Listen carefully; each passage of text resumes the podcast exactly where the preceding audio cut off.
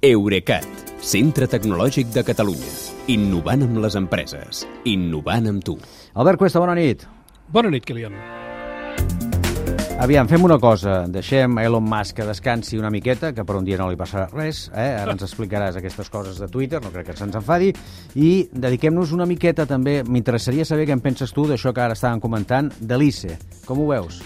Home, a mi em fa molta il·lusió anar-hi a partir de demà perquè la festa major és la festa major dels que són malalts del so i de la imatge. I a més és que és una fira més difícil de virtualitzar que les altres, com per exemple el Mobile World Congress, Yeah. perquè eh, l'experiència audiovisual eh, és analògica per definició. Vull dir, vull dir que les pantalles s'han de poder mirar i els altaveus s'han de poder escoltar. Ja ho O té, sigui això, sí. A, a Clar. mi em fa molta gràcia eh, anar-hi a partir de demà. Bé, doncs ja... Confirmem que hi vas, eh? I tant, demà, demà passat i l'altre com a mínim. Molt bé, bé. Doncs ja ens ho explicaràs. I ara sí que una mica d'espera no passa res, però massa que se'ns se'ns irritarà. Tenim Elon Musk esperant, va. Perquè es van concretar en les seves intencions de cara a Twitter, si arriba a ser-ne el propietari. Deies que vol multiplicar els usuaris per 4, està bé, i la facturació encara més, per 5. Uh, Musk s'ha proposat situar Twitter amb la primera divisió de les xarxes socials, tant en audiència com en negoci. Uh, segons el pla que ha presentat als inversors que l'han d'ajudar a pagar els 49 els 49.000 milions de dòlars per l'empresa, que és un pla que aquest cap de setmana ha filtrat el New York Times, Twitter facturarà gairebé 25.000 milions a l'any d'aquí a 6 anys, gairebé 5 vegades més del que ho va fer l'any passat.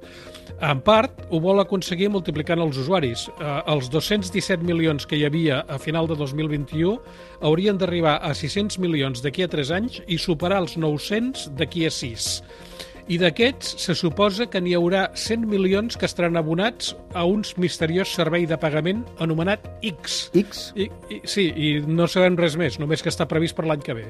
Home, sí que és misteriós i posen X encara hi ajuden una mica, eh? Sí, eh pel això. que dius, pel que dius, Mas pretén fer créixer l'audiència de Twitter, però encara més el negoci, això ja ho hem dit nosaltres també, veient les xifres queda molt clar que vol tenir més negoci. Això vol dir que els usuaris al final haurem de pagar? Doncs tot apunta cap aquí.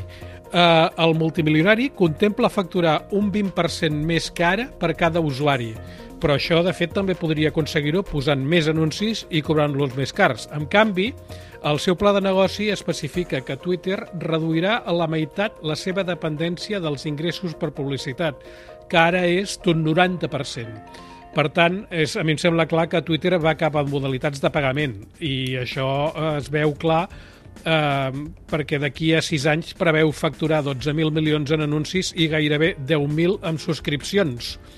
Eh, també hi ha altres fonts d'ingressos previstes. Una són les llicències per accedir a dades, que això ja haurem de veure què vol dir, mm. i un altre és un servei de pagaments entre usuaris, cosa que no seria estrany, considerant que Musk va ser precisament un dels que van crear PayPal.